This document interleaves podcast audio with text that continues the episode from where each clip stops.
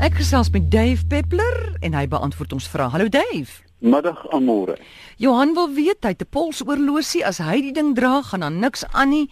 Haal hy die polsoorlosie van sy arm af en dan begin die polsoorlosie seker na so 'n halfuur te tik tik tik. Wat hy wil weet, lê die fout by hom? Dit klink vir my na 'n draaiboek vir 'n riller. um, kyk amore, ek weet nie nou eens wat 'n mens moet weet. Is dit 'n opwen horlosie? Is dit 'n outomatiese horlosie mm. of het die dinge battery in? Van die indien dit opwen of outomaties is, is die moontlikheid dat hy nie genoeg reserve het nie. Jy weet jy moet hom regtig tot bo opwen en dan loop hy vir 'n tydjie. Maar ek vermoed dalk dat die groot probleem is magnetisme. Was hy met 'n horlosie naby aan 'n luidspreker byvoorbeeld of 'n yskas of 'n mikrogolf? En as hy dit dan neersit, verskoon my, waar sit hy dit neer? Want indien die horlosie dan 'n elektromagnetiese puls kry, dan gaan hy weer begin loop al lê hy buite. Nee, sê maar jy sit hom op die luidspreker neer. Mm en jy speel Black Sabbath, mm. dan gaan die horlosie beslis loop. Hy gaan nie met Vivaldi loop nie, want papperig, verstaan? Ja. Um, het die horlosie water gekry? En um, wanneer laas het hy gediens? Uh hierdie is 'n paar van my gedagtes. Goed, so jy sê dis nie sy eie magnetiese veld nie. Jy sê dit kan wees van 'n mikrogolfoond of so iets. Dit kan luidsprekers het besondere sterk mm. magnetiese velde. En hoe mm. harder jy die ding speel, hoe groter raak die veld uiteraard. Goed. Um, en uh, soos ek sê dit hang af waar jy hom neersit, mm. maar ek dink die eerste groot vraag is wat is die soort is dit opwen outomaties ja. battery? Dis 'n baie dis 'n baie vaal vraag. Ek hoor jou. Mense bel ons gerus 0891104553. Chris sê Het jy geweet dat daar 'n berg in die suidooste van Botswana is waar mense glo daai berg is heilig? Weet jy van so 'n berg? Afrika is deur spek van heilige berge. Ons het ons eie Mojaji. Ek is nie ek is nie bewus van die een in in Botswana nie, maar tog is dit baie interessant dat van die voorgeskrewe mense onlangs in Mexico, Mexico, ehm um, die is die lyke van klein meisietjies wat geoffer is, weet op die pikke van hierdie berge gevind. En dit is uh, twee dinge uh, word uitgesonder as heilige plek of drie altens: grotte, berge en bome. Eh, so dit verbaas my nie. Ek het in my omswerwinge gereeld op heilige berge afgekom. Inteendeel nou weer onlangs in Angola. En weet jy môre wat is die reuse voordeel daaraan? Omdat dit heilig is word die die, die biodiversiteit van hierdie berge beskerm so ek sê hmm. verklaar die hele lot heilig o oh, dis oulik goed ek het iemand op die lyn hier Charlotte goeiemôre hallo julle ek wil graag weet Dave honde het kussentjies onder hulle voete en ek weet In baie koue lande trek hulle vir die honde wat die slee trek skoene aan dat die ys nie hulle voete sny nie. Maar kry honde se voete koud as of sneeu op die grond lê of as dit baie warm is soos mense se ne? Eerstens, ek ry vanmiddag met my fiets deur die dorp en drie honde agter tralies staan met jekkertjies aan. Baie modieus, jy weet, een het so 'n taart en jekkertjie. Onder normale omstandighede van 'n huis of 'n werfhond dink ek dit is glad nie nodig om vir hulle boeties aan te trek. Indien jy 'n werkende hond het in die ys of sneeu, soos honde wat sneeu strek of dalk moet spoor sny, raak hulle voete soms baie koud en dan kan jy vir hulle vir hulle um, skoene hmm. gehekkelde uh, uh, skoentjies aantrek. Um inteendeel die, die in die hitte is die honde se voete baie belangrik want hulle sweet geweldig baie daardeur. Het jy al gesien op 'n op 'n gepoleerde vloer as 'n hond daar stap en dit is warm? dis nat spoortjies. So in in die somer gaan 'n mens niks doen nie. In die winter tensy jy 'n werkende hond het, um, wat werklik vir jou werk in uitsige toestande, mm. is uh, enige beskerming nie nodig. Maar jy weet hoe ons voete baie keer in die somer brand op die strand, op jy weet die sand. Ja, ja, ja. Uh, uh, 'n hond se voete, gaan sy voete so brand? Nee, kyk, daai dit, dit dit is baie dik keratin. Die kussings is nie. O, ek weet, ja, voet, trek 'n hond se voet oor jou wang. Jy weet dit, dit is soos um, soos ontvelling. Dit is 'n baie taai voet. Goed. Um, en dit kom uit die aard van die wolwe af. Alhoewel wel wolwe nou nie baie warm gekry het in die ou dae. Maar ek sou nie te veel bekommerd wees nie. Tensy jy 'n absoluut volslaa salonhond het, jy weet, mm. een van daai goed met met die klein hair clips en en en strukkies. Mense dan kan jy handsakhondjies. bekommerd wees. Ja, Paris Hilton, Hansa. Handsakhondjies. Daai goedjies, né? Ja. Wat so uitloer. Goed, dankie vir jou oproep. Iemand wil weet hierso, is daar 'n manier om vlooie permanent van 'n hond af te kry? Die vrou sê sy wag haar hond, was 'n hond dag en nag blou en die hond bl kry hy hou aan met vlooie. ja, natuurlik. Die die probleem met vlooie is om die siklus van die eiers te breek. Nou, vlooie lê ontsaglik baie eiers, nie net een nie. As jy op ek meen as jy baie tyd het uh, en jy die inklinasie om vlooie dop te hou, ek weet nie en ek ken nie. Um dan sê jy sien dat hulle wel al om die haverklap die daai groot geel wyfies lê eiers.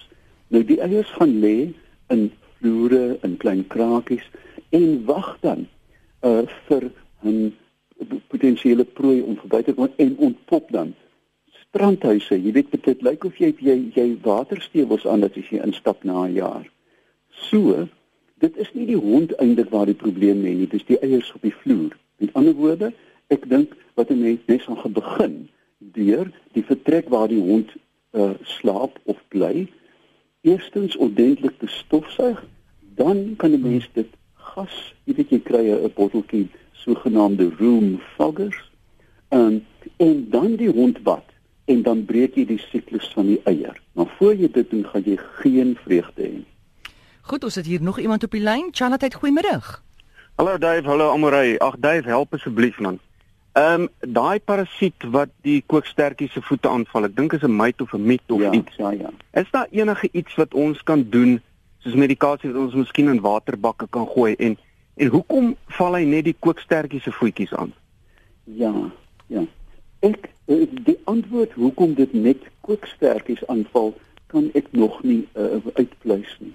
Um en ek sien dit nou dit raak al hoe meer versprei. Jy weet, dit sê epidemie. Dis waar. Ek het dit nou dag in, in Namibië selfs gesien. Wat jy wel kan doen, die enigste manier is om 'n skoenlapper net te kry en die kookie te vang.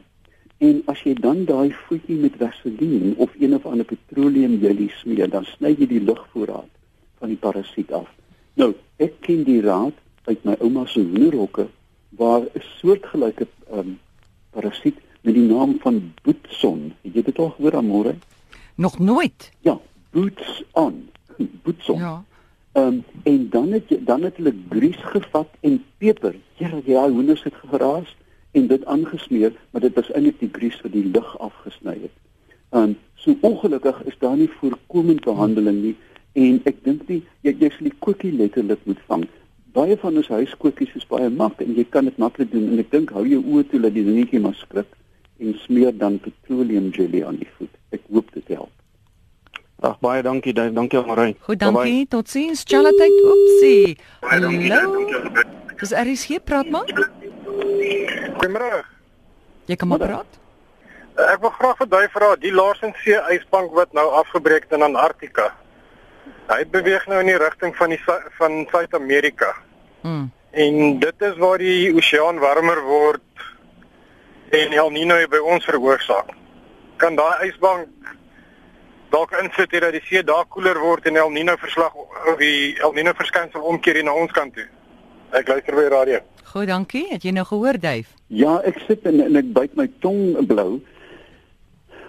Daai Alhoewel seedek. hierdie Larson ysbank Mm. ongelooflik groot is, so groot soos Wallis. Jy weet, dit is Mm. ondenkbaar groot. Op 'n wêreldskaal is dit eintlik klein.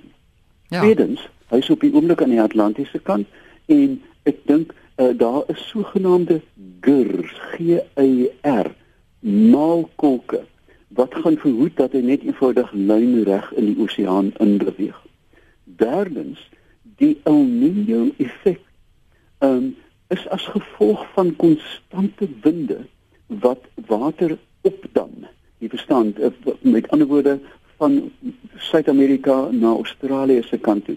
En ek dink al gaan jy 4 of 5 van daardie ysberge deur hierdie um, kolom van warm water trek, is die skaal nog altyd verkeerd. Ons die die, die wêreldskaal amore is reusagtig Mm. groot en 'n mens kan jou moeilik indink. Jy weet jy dink, "Ah, ah miskien moet ek op 'n kaggelvuur maak want dit gaan dit wat dit werk nie so nie."